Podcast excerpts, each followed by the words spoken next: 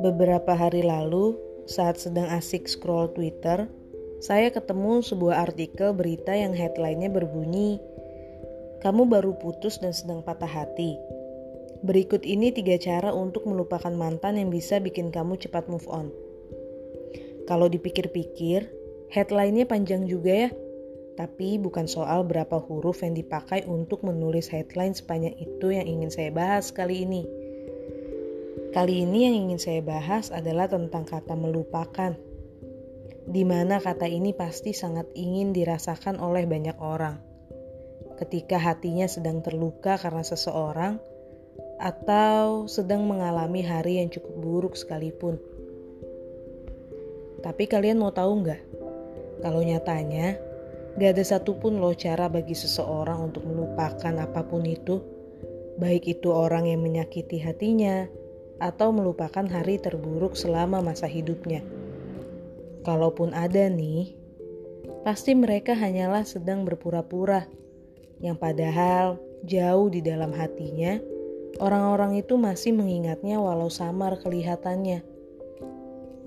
Jadi, kalau misalkan kalian bertanya ke saya, gimana sih caranya melupakan seseorang yang meninggalkan bekas luka atau kenangan yang begitu kuat di dalam diri kamu?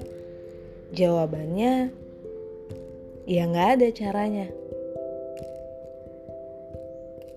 Daripada sibuk mencari cara bagaimana kamu melupakan orang itu, kenangan itu, atau hari itu sekalipun, bukannya lebih baik kamu menerima semua itu, menerima segala sesuatu yang sudah terjadi, hingga pada akhirnya kamu sadar dengan sendirinya.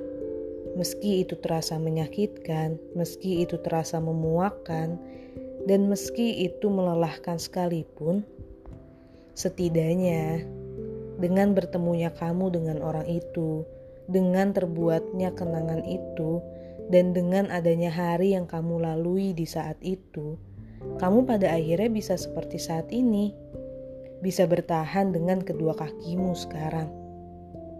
Karena menurut saya, apa yang pernah terjadi dulu padamu dan apa yang pernah menimpaku dulu, semua itu adalah sebuah pelajaran sekaligus pengalaman, baik untukmu atau untukku sekalipun.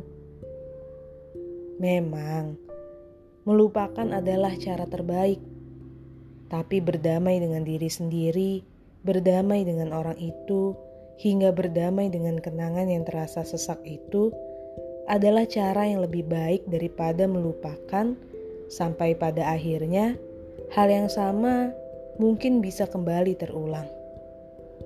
Sampai di sini dulu semua. Selamat malam dan jangan lupa istirahat.